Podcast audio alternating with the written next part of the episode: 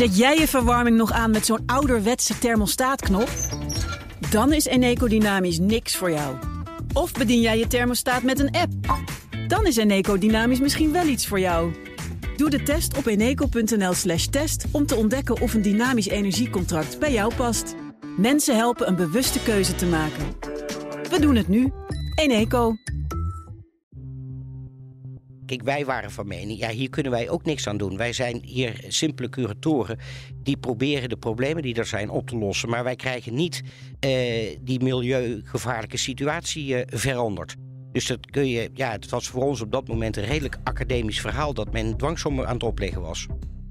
Niet elk ondernemersavontuur eindigt met een notering in de quote 500. Niet elk bedrijf overleeft een flinke crisis. Niet elke onderneming weet het financiële spel goed te spelen. En als alles misgaat, als de chaos regeert en schuldeisers aan de poort rammelen, dan breekt het tijdperk van de curator aan. In deze serie praten mijn collega Thomas van Zijl en ik, Elisa Hermanides, over onvergetelijke faillissementen met de puinruimers van het bedrijfsleven. Dit is Onder Curatoren. En ook deze keer is Thomas helaas verhinderd. Anders had ik met hem een leuk praatje kunnen maken over asfalt. Of eigenlijk over afval van asfalt. Want vandaag gaat het over een bedrijfje uh, dat van afval van asfalt weer andere zaken maakte. En dat klinkt ergens een beetje smerig. En nou ja, dat was het misschien ook wel. Maar dat kan ik misschien het beste vragen aan mijn gast van vandaag. Dat is Jan Dingemans, partner en curator bij Holla Advocaten. Ja, uh, het gaat vandaag over een bedrijfje dat heette Dutch Infratech BV. En wat had dat bedrijfje eigenlijk met asfalt te maken? Ja, dat bedrijfje stond eigenlijk aan de vooravond van, van, van de recyclingindustrie. Uh, het verdienmodel zat aan twee kanten. Dus het kocht in, en daar werd ze voor betaald, afval, uh, afval van asfalt. Dus verwerkte asfalt van wegen, beton van wegen en allerlei andere substraten die op wegen uh, lagen. die werden verzameld en uiteindelijk was het uitgangspunt dat daar nieuw beton van gemaakt zou worden. En um, dat klinkt ook ergens wel een beetje smerig, toch? Want uh, dat is asfalt wat op wegen heeft gelegen. Daar zitten allerlei stoffen in. Um, was het eigenlijk ook een beetje smerig spul? Nou, het was droog spul. Dus het is niet zo dat er smurrie uitliep of iets dergelijks. Maar het was droog spul. En uiteindelijk zou dat in een betoncentrale vermengd worden en vermalen worden.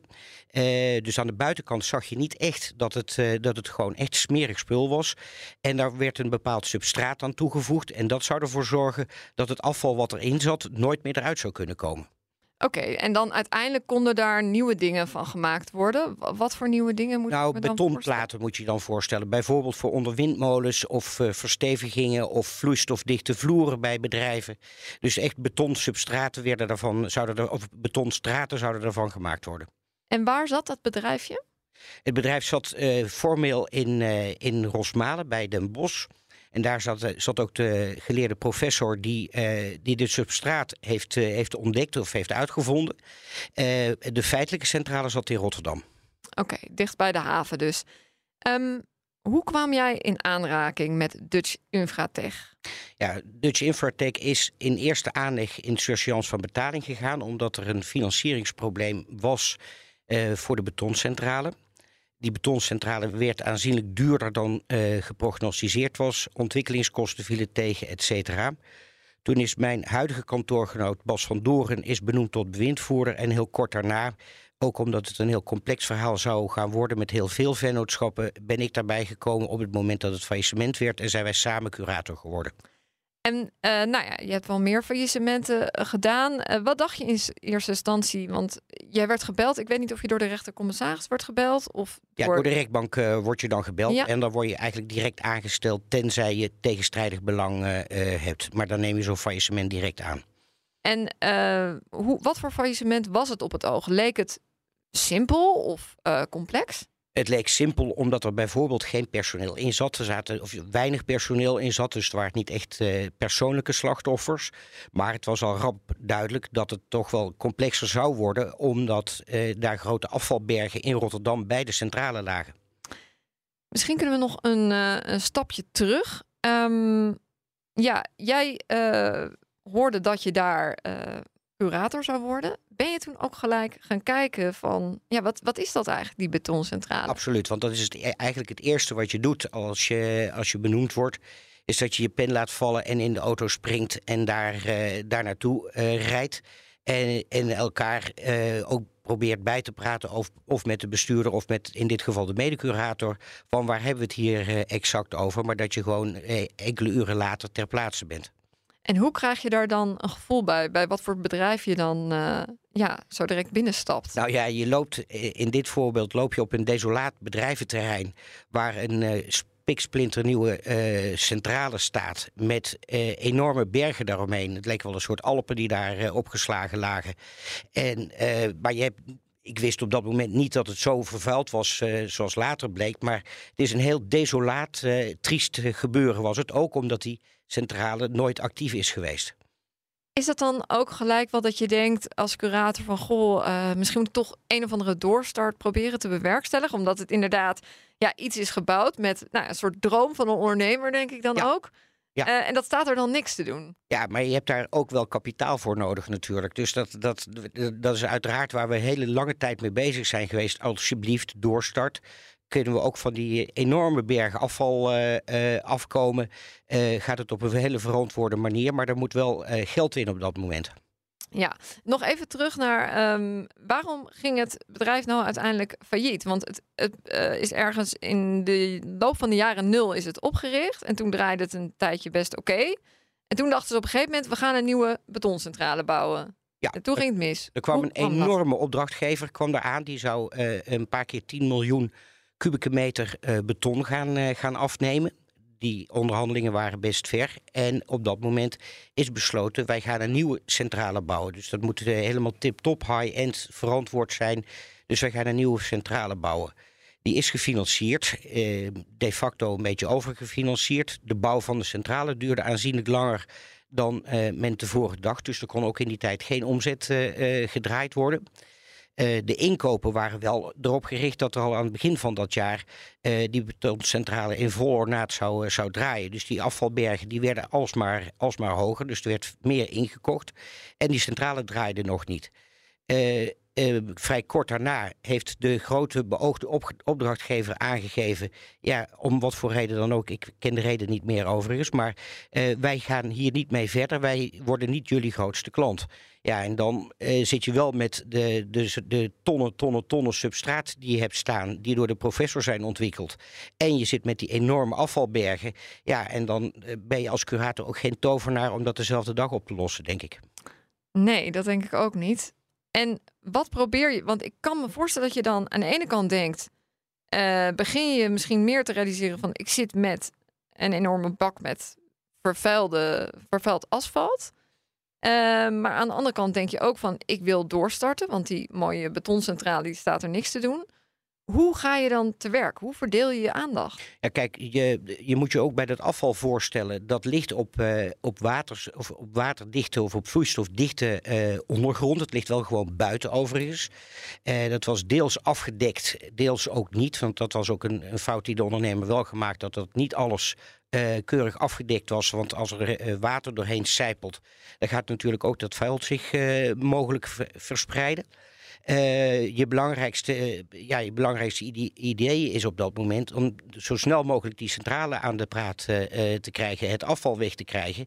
En dus zijn we in con contact gegaan met een aantal concurrerende bedrijven, hoewel dit een redelijke niche was, maar potentiële overnemende partijen. Bij de auto-ondernemer zat op dat moment geen, geen geld of waren geen mogelijkheden.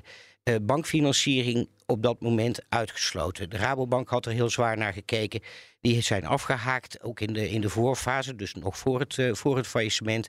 Uh, maar er waren ook ja, weinig of geen marktpartijen die, ja, die, wij hebben ze in ieder geval niet, niet. We hebben heel veel partijen gesproken, maar die durfden het uiteindelijk niet aan. En ook het verwerken van afval tot schoon beton met het substraat, wat eigenlijk nog niet helemaal uitge, uitgetest was of nog aan in zijn eindfase zat. Ja, de concurrentie durfde het niet aan op dat moment. Het was toch nog een beetje experimenteel eigenlijk. Ja, ja. ja. ja. En um, ja, op een gegeven moment uh, komt er een moment dat de provincie uh, Zuid-Holland bij jou aanklopt. Ja. Hoe ging dat? Die waren not amused. Nee, die, die waren natuurlijk al bekend met dit bedrijf. En die stonden al redelijk op de radar bij de, bij de provincie. Ook omdat, en nogmaals, er lag heel erg veel uh, onverwerkt uh, afval, onverwerkte asfalt.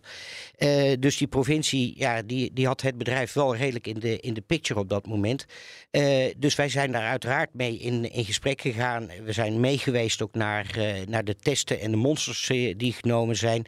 Nou, toen bleek dat een deel uh, redelijk makkelijk afdekbaar was. Dus daar hebben, dat hebben we met elkaar uh, gefaciliteerd financieel. Dus dat er in ieder geval bij regen bijvoorbeeld uh, geen, geen via, de, via, de, via de grond afval zou, zou wegcijpelen. Maar de hoeveelheden waren ook veel te groot. Dus daar maakte de provincie in onze beleving overigens terecht een punt van. Ja, want die ondergrond van was wel uh, goed gedaan door de ondernemer, maar de afdekking was aanvankelijk dus niet helemaal goed. Ja, en de hoeveelheid was te veel eigenlijk voor de ondergrond. Dus er, er ging af en toe wel een, een metertje overheen uh, bijvoorbeeld. Ja, en dat, dat, dat is natuurlijk milieutechnisch is dat uh, heel erg vervelend. En dan gaat zo'n provincie, ja, die gaat op een gegeven moment ook dwangsommen opleggen. Hoe, hoe ging dat? Ja, dat is vrij formeel natuurlijk. Dus dan komt de deurwaarder komt die, uh, komt die papieren steeds uh, betekenen. Maar ja, wij zaten als curatoren met een, met een lege portemonnee. dus of er nou vijf of tien deurwaarders op de stoep stonden, ja, wij konden dat op dat moment ook niet veranderen in de praktijk. Dus die dwangsommen die werden, die, ja, die werden constant opgelegd. En die, die dwangsommen, was dat al voor het faillissement dat die werden opgelegd? Er was een aantal dwangsommen al voor het faillissement opgelegd, maar dat werd gecontinueerd na het faillissement. Dus de, de, de, de provincie zag ons eigenlijk als de, ja, de opvolger van het bestuur van, de, van, van Dutch Infratech. Maar dan is het natuurlijk de hamvraag: eh, zijn jullie dat ook? Kan de provincie uh, bij jullie terecht jullie verantwoordelijk stellen voor eigenlijk die vervuiling die als het ware blijft bestaan? Nou, de vraag stellen is een beetje beantwoorden, denk ik. Wij waren van mening, ja, hier kunnen wij ook niks aan doen. Wij zijn hier simpele curatoren die proberen de problemen die er zijn op te lossen. Maar wij krijgen niet eh, die milieugevaarlijke situatie eh, veranderd. Dus dat kun je, ja, het was voor ons op dat moment een redelijk academisch verhaal dat men dwangsommen aan het opleggen was. Want uh, je zei van we hebben wel in samenspraak gekeken hoe we het beter af konden dekken. Hè? Ja. Dus jullie hebben wel wat gedaan. Ja. Um, maar wat gebeurt er dan uiteindelijk? Want zo'n provincie die blijft maar doorgaan met die, met die dwangsommen. Ja. Uh, er komt geen juridische duidelijkheid. Uh, wie is er op een gegeven moment uh, naar de rechter gestapt? Wij hebben uiteindelijk met een bestuursrechtelijke advocaat uiteraard... want hier heb, je, hier heb je als curator ook niet zo heel veel verstand van... een procedure zijn wij gestart ook bij de Raad van State om aan te geven van ja, subsidiair uiteraard helemaal in tweede aanleg. We hebben een lege portemonnee, maar primair, wij zijn hier niet voor verantwoordelijk. We willen het wel oplossen, maar we kunnen het niet.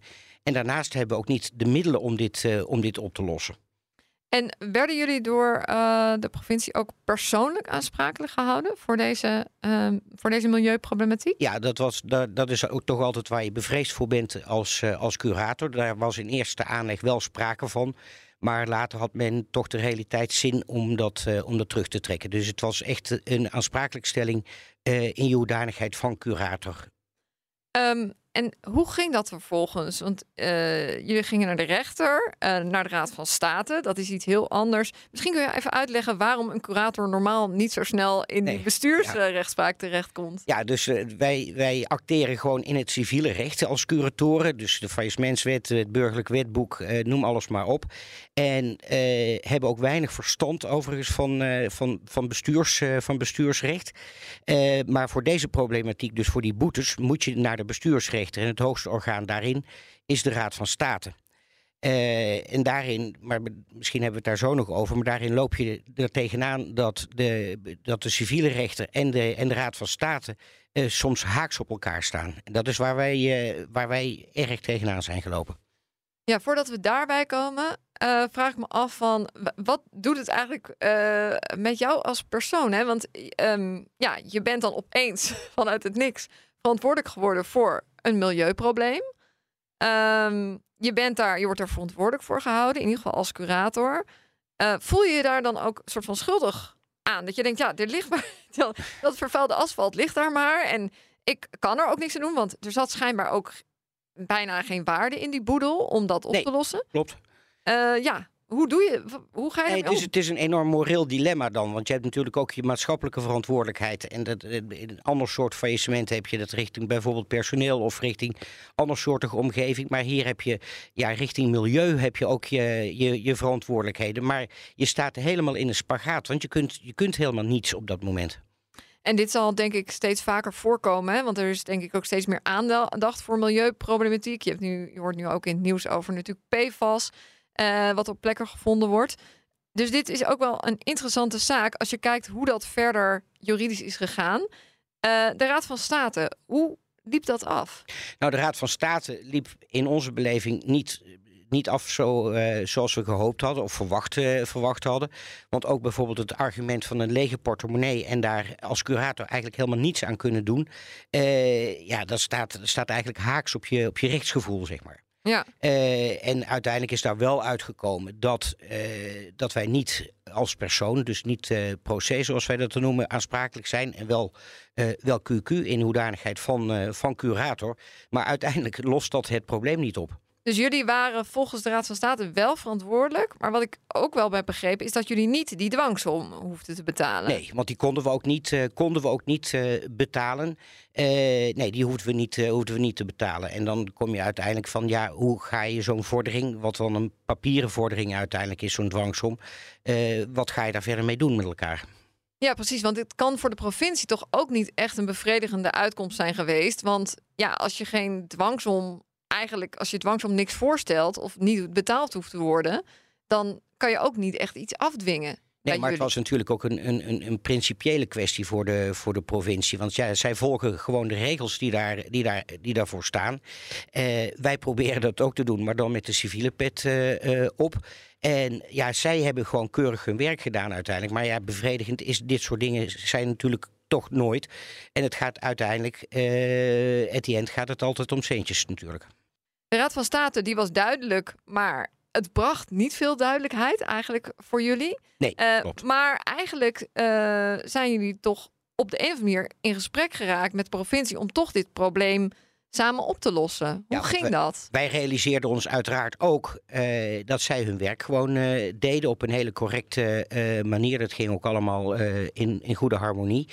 En we zijn, hebben heel wat sessies besteed om om tafel te zitten met elkaar. Ja, hoe lossen we dit maatschappelijk probleem op? Want het heeft uiteindelijk met faillissementsrechtelijk heeft het weinig te maken.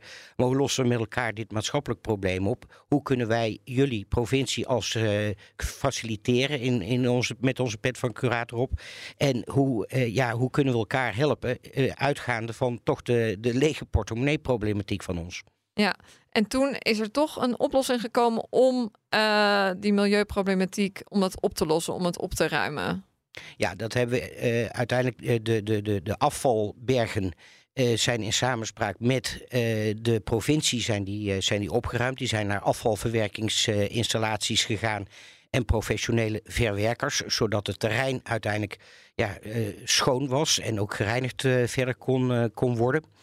Toen zaten wij met een, eh, met een eh, overgefinancierde eh, centrale die nog niet Ja. draait in de maag. Ja, wat, En- wat- en wat is daarmee gebeurd? Want nou ja, we hadden het eerder al over die doorstart. Is die er uiteindelijk wel gekomen? Nee, er is geen, helaas geen doorstart gekomen.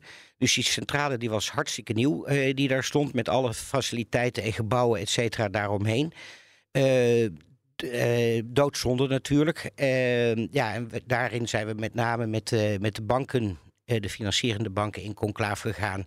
Eh, en uiteindelijk de oplossing gevonden in de, in de verkoop van de centrale... voor min of meer een symbolisch bedrag aan NS Vastgoed... ook de eigenaar van de, van de ondergrond.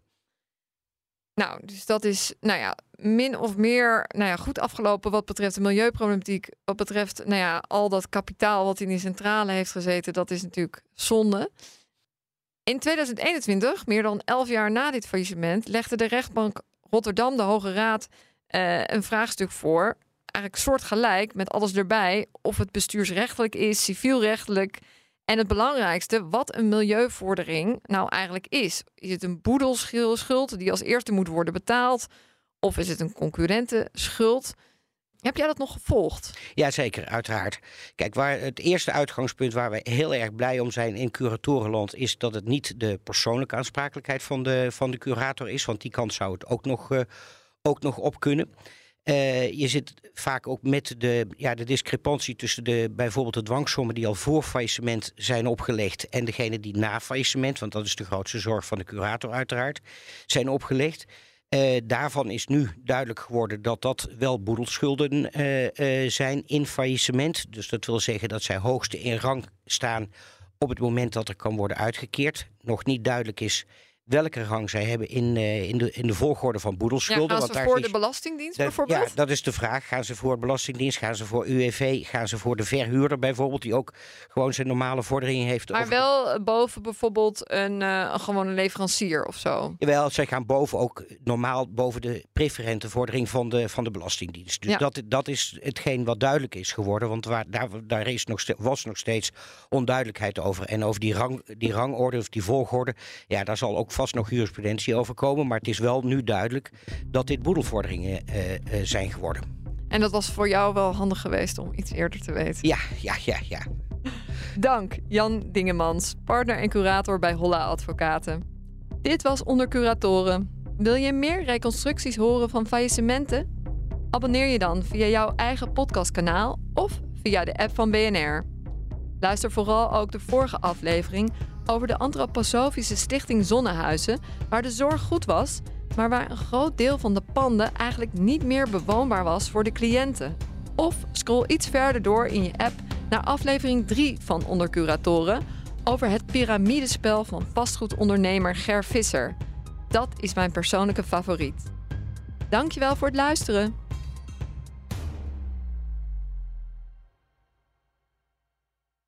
Eet jij elke woensdag lasagne omdat het zo lekker makkelijk is? Dan is Eneco Dynamisch niks voor jou. Maar kook jij het liefst elke keer wat anders met het risico dat ze zeggen... Ja dag, dat gaan we echt niet eten. Dan is Eneco Dynamisch misschien wel iets voor jou. Doe de test op eneco.nl slash test om te ontdekken of een dynamisch energiecontract bij jou past. Mensen helpen een bewuste keuze te maken. We doen het nu. Eneco.